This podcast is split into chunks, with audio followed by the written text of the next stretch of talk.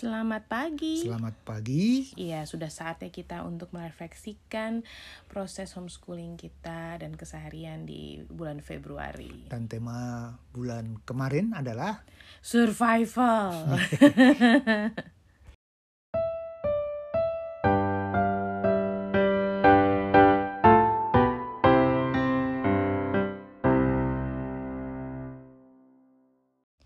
udah lama ya kita nggak di mode survival kayak kemarin ya. Iya, tiba-tiba aku sakit.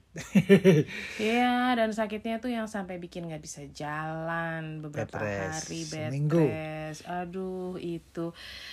Aduh, kayaknya banyak hal yang perlu disesuaikan dan kemudian uh, perlu berdamai. Perlu berdamai. Iya. Ya. Uh, berdamai dengan kondisi yang ya memang nggak bisa diapa-apain. Gitu. Yang di luar kontrol. Yang di luar kontrol kita. Mhm. Lebih banyak sebenarnya terkait dengan kita ya berdua urusan rumah, urusan pekerjaan dan sebagainya. Mhm.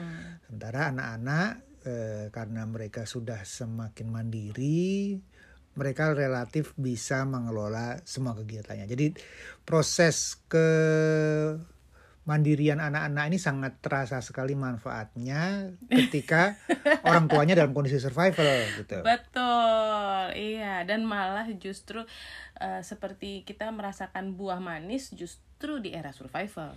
Iya, karena anak-anak kemudian dengan uh, semakin empatik dan kemudian karena kapasitasnya sudah semakin besar, mereka bisa menjadi anggota tim, tim ya, mm -hmm. yang saling mendukung, memudahkan semua proses survival itu.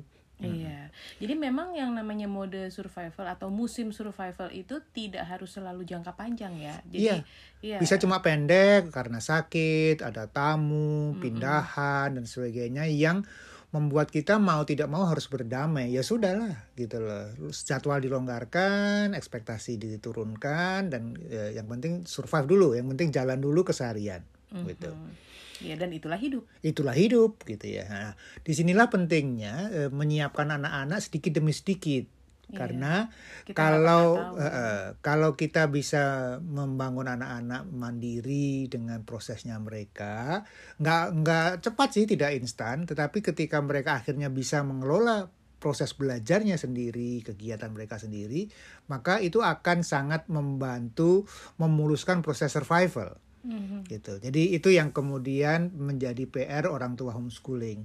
Dan sekali lagi ini bukan proses yang singkat gitu ya. Anak-anak kita kan sudah umur belasan tahun ya sudah remaja gitu dan hmm. eh, proses membangun kemandirian mereka mengelola ke kehidupan proses belajar mereka mereka merasa memiliki belajarnya ya dan kemudian mereka belajar mengelolanya itu berlangsung selama bertahun-tahun iya betul ya ya jadi di bulan survival itu walaupun secara kita berduanya sendiri betul-betul harus memaintain uh, tadi ya ekspektasi, memaintain harapan, atau kemudian apa-apa yang jadi rencana harus direncanakan kembali gitu ya hmm. dari sisi itu. Tapi banyak hal yang bisa disyukuri juga di yeah. yang terkait dengan anak-anak gitu. hmm. gitu. Jadi seperti duta, duta itu puji syukur alhamdulillah di bulan Februari dia diundang gitu ya yeah. Turnamen undangan namanya Perang Bintang mm -hmm. yang diadakan oleh Secua dan dia juara dua. Ya, jadi ada beberapa pemain junior terpilih gitu ya, ya dari dianggap, berbagai kota uh, dan kemudian mereka diadu uh, dan duta ya berhasil termasuk yang di, diundang ya dapat penginapan dan sebagainya dan kemudian dia berhasil menjadi juara dua mm -mm.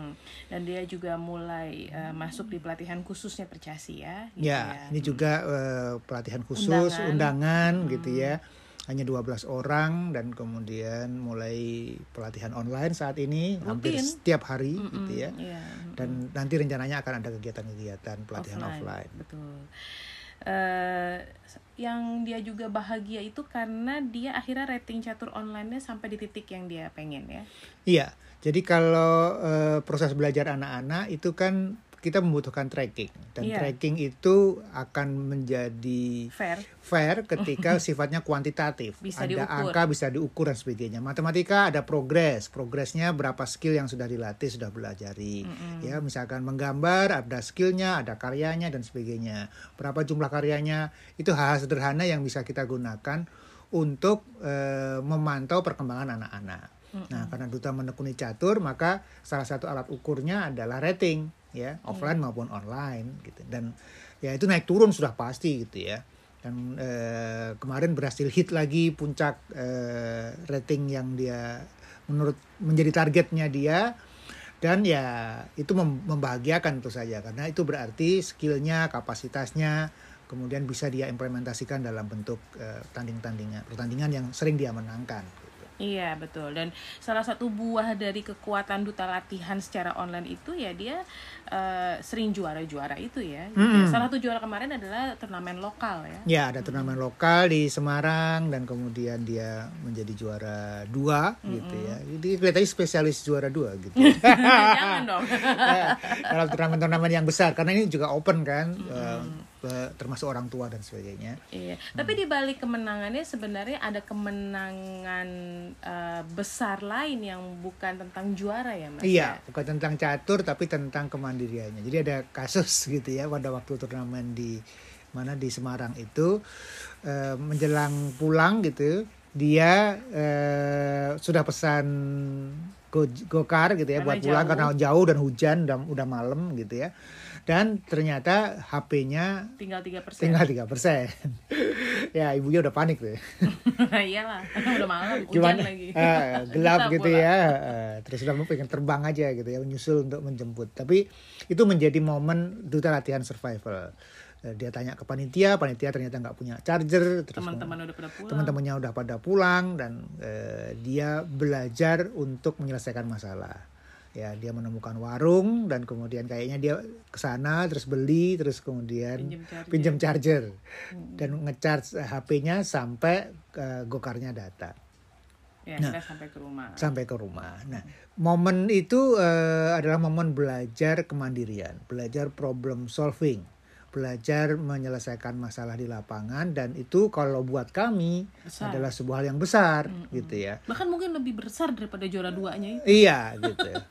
juara duanya ya oke okay lah. Oke okay lah gitu. Karena hidup ini kan uh, survival. Hidup ini kan belajar mengelola masalah-masalah dalam kehidupan kita iya. agar bisa kita kelola, bisa kita selesaikan. Nggak akan pernah selesai masalah sampai kita mati kan gitu. Iya. Tapi bagaimana kita menyikapi masalah dengan tenang, bagaimana kita mencari solusi-solusi dan kita berani ya melakukan aksi untuk menyelesaikan solusi itu karena orang tua pun ya banyak yang kemudian bergumul dengan masalah dan menikmati masalah gitu mm-hmm. ya nggak berani ngambil uh, karena nggak enak memang ngambil keputusan gitu mm-hmm. ya lebih enak nyalahin kondisi nyalahin keadaan karena itu tidak membutuhkan aksi kita yeah. tapi kalau kita memilih kita harus beraksi maka ya memang butuh usaha kalau dalam kasus duta tadi ya dia harus berani ngomong Bener. karena duta itu tipe yang takut ngomong sama orang, orang yang dia tidak kenal hmm. gitu. Berbeda dengan kakak-kakaknya yang memang uh, lebih berani ya. Lebih berani hmm. gitu ya. Dan memang suka lebih dan, komunikatif dan gitu lebih ya. suka memang ngomong hmm. dengan orang lain gitu. Hmm. Duta memang secara karakter tidak terlalu suka sehingga ini perkembangan yang luar biasa hmm. yang sangat kita syukuri ya Mas Arya. Iya. Sementara untuk Tata itu dia berhasil launching lagi majalah Kreasita uh, edisi 2 bisa diunduh gratis di kreasita.com uh, dan um, yang membahagiakan karena di dalam proses ini 50% sudah dikerjakan oleh tim, sudah tidak lagi oleh Tata ya. gitu. Karena kan uh, kita memang sedang menyiapkan Tata untuk punya tim ya Mas hmm. supaya dia kalau misalnya mau uh, bertumbuh, mau kuliah atau apa uh, bisnisnya tetap bisa berjalan. Hmm ya satu lagi yang aku bersyukur adalah Tata juga kemarin uh, berhasil melakukan perjalanan mandiri ke kota kecil yang baru sendirian gitu ya yang Bagus. kendaraan umumnya lebih hmm. sulit gitu hmm. untuk berjumpa temannya yang pindah ke sana gitu ya. Iya.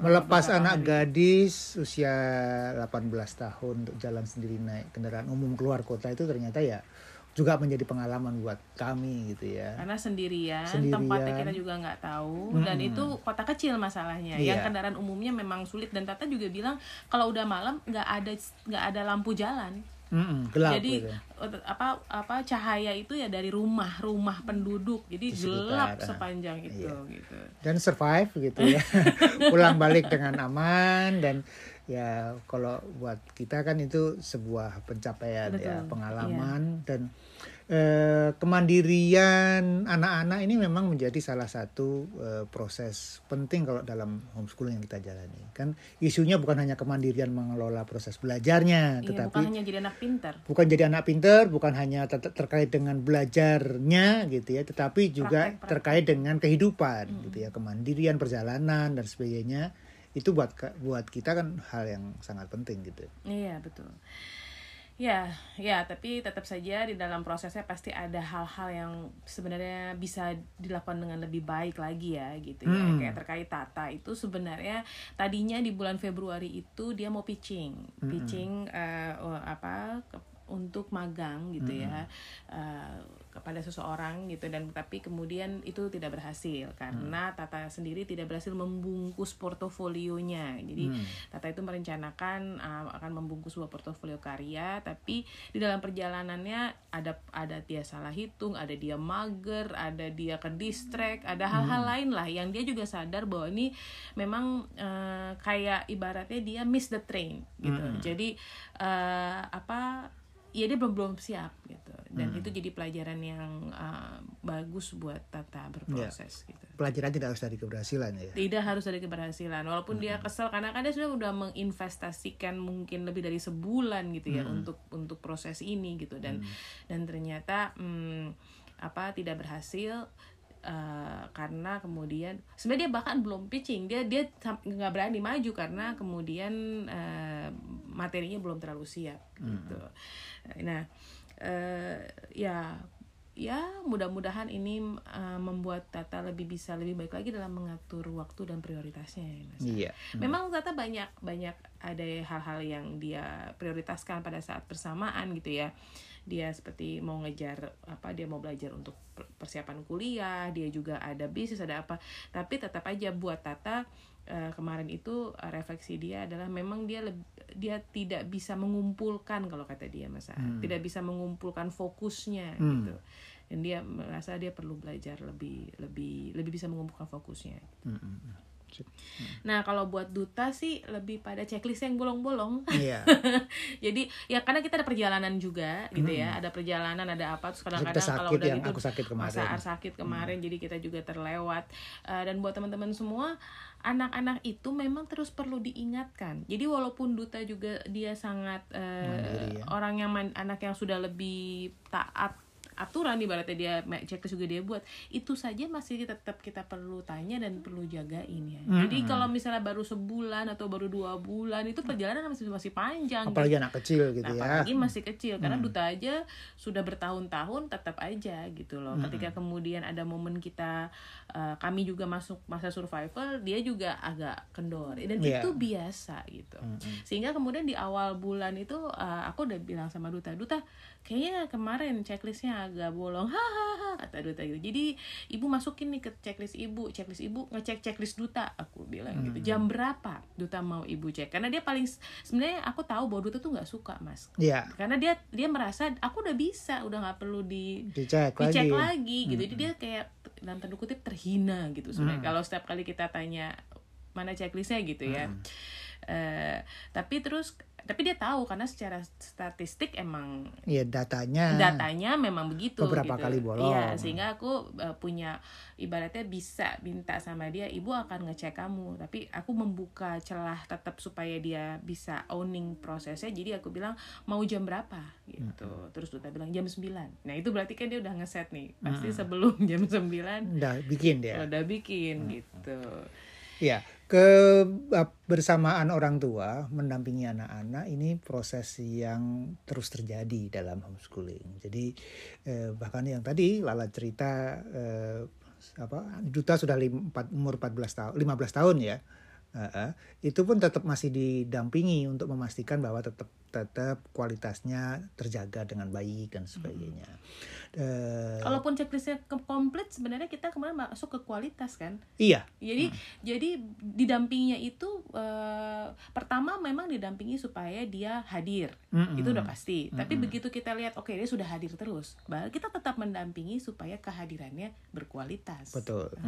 Nah, di untuk teman-teman yang baru mulai mendampingi anak-anak dalam proses uh, membangun kesadaran kepemilikan terhadap uh, belajarnya sendiri memang uh, banyak hal yang memang perlu dibangun setahap demi setahap. Mulai dari kesadaran anak bahwa uh, belajar itu punya kamu loh gitu. Uh, bapak dan ibu uh, membantumu untuk supaya proses belajarmu berkualitas. Ada hal yang kamu inginkan, ingin kamu pelajari, maka kamu belajar mengenali apa yang kamu ingin pelajari. Ada ya hal-hal yang menurut Bapak dan Ibu penting yang perlu dimasukkan ke jadwal kamu supaya itu bermanfaat jangka panjang untuk kehidupanmu. Itu bagian dari negosiasi dan eh, anak-anak eh, diajari, dibimbing, dilepas tarik ulur, kadang dilepas, ya, kadang-kadang dicek ya ditanya sudah sampai mana dan sebagainya itu proses-proses yang terus terjadi di dalam uh, pendampingan kita bersama dengan anak-anak. Jadi men secara mental jangan sampai orang tua itu mentalnya adalah udah dikasih uh, yes dan no, nol dan satu gitu loh anakku sangat tergantung pada aku. Ya berarti apa? Kalau anaknya masih tergantung anaknya belum tahu diajari. Ditemani. berarti ditemani. Berarti memang belum siap untuk dilepas, dilepas dan belajar mandiri. Hmm. itu itu kesadaran yang penting. Jadi cari uh, proses yang paling cocok dengan anak-anak.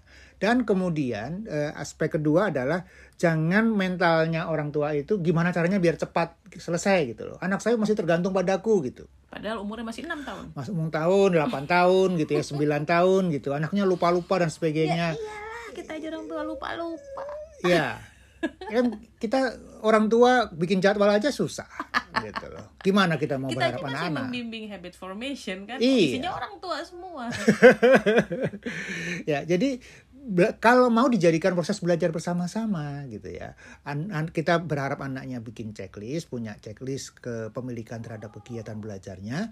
Orang tua punya struktur punya rencana-rencana terkait dengan kegiatan belajarnya orang tua untuk mengasah diri sendiri. itu nah, penting banget. Ya, kalau dua-duanya punya, maka orang tua pertama bisa berempati. Bahwa nggak gampang. Bahwa memang nggak gampang. Orang tua pun sering lepas-lepas karena berbagai kondisi. Pada saat bersamaan, kita juga bisa ngobrol bersama anak-anak. Oh, Bapak juga lagi berjuang loh, Bapak juga lagi berusaha. Gimana kamu, apa kesulitanmu dan sebagainya. Proses-proses yang bisa bisa lebih enak dibicarakan bukan hanya dalam posisi menyuruh anak mm-hmm. ya bukan hanya dalam posisi top down gitu ya perintah tetapi menjadi perjalanan bersama. Iya kalau kata orang tuh ada garamnya gitu mas. Iya jadi kalau kita tuh sebenarnya hanya ngomong doang kamu harus begini tapi kita sendiri sebenarnya tidak menjalani perjalanan itu. Hmm. Itu kayak kosong. Yeah. Tapi kalau kita sendiri sebenarnya lagi struggling, kita lagi berusaha, berproses, bertumbuh dan kita mengajak anak untuk bertumbuh bersama, itu ada muatan energi di sana. Betul. Yang yang kerasa oh dia yeah. emang bener-bener praktisi nih, dia emang melakukannya gitu. Uh. Bapak nih emang lagi berjuang, ibu emang lagi berjuang, aku juga jadi mau berjuang. Tapi kalau kayaknya kok kayaknya berjuang doang aku doang iya cuma perintah gitu ya cuma disuruh ibu bapak ibu juga kacau kosong, gitu. gitu itu perintah kosong gitu. ya dan itu nggak akan efektif susah gak gitu. akan efektif. kita juga uh, susah memberikan masukan pada anak-anak kan ini bukan suka bukan cuma menyuruh bukan, bukan cuma memotivasi bukan, bukan memotivasi bukan, bukan. tetapi kan membimbing membimbing dan memotivasi itu dua hal yang berbeda ya, jadi kalau pertanyaan bagaimana cara memberikan motivasi pada anak Eh, susah.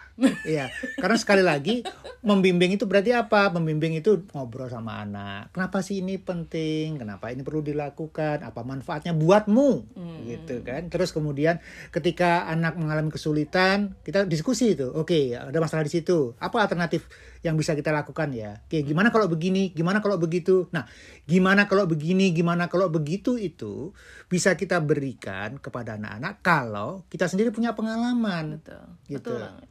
Kalau kita sendiri tidak menjalaninya, tidak menghidupinya, maka kita tidak akan bisa memberikan feedback yang tepat pada anak-anak. Dan itulah problem yang sering terjadi ketika orang tua mengeluh bahwa anakku nggak begini, anakku nggak begitu. Pertanyaannya adalah feedback apa yang Anda berikan pada anak? Apa yang Anda lakukan berdasarkan pengalaman Anda mengelola jadwal dan mengelola keseharian Anda. Begitu. Ya, tapi ya itulah hidup. Hidup itu pasang yeah. surut. Kadang kita berhasil, kadang kita nggak berhasil, kadang kita semua mulus, kadang kita ada ada hiccup gitu kan. Ya, dan apa pun yang terjadi di dalam proses keseharian kita ya kita maju terus. Iya. Hmm. Maju terus yang penting terus bertumbuh. Oke, sampai jumpa di ngobrol bareng rumah inspirasi yang berikutnya. Dah.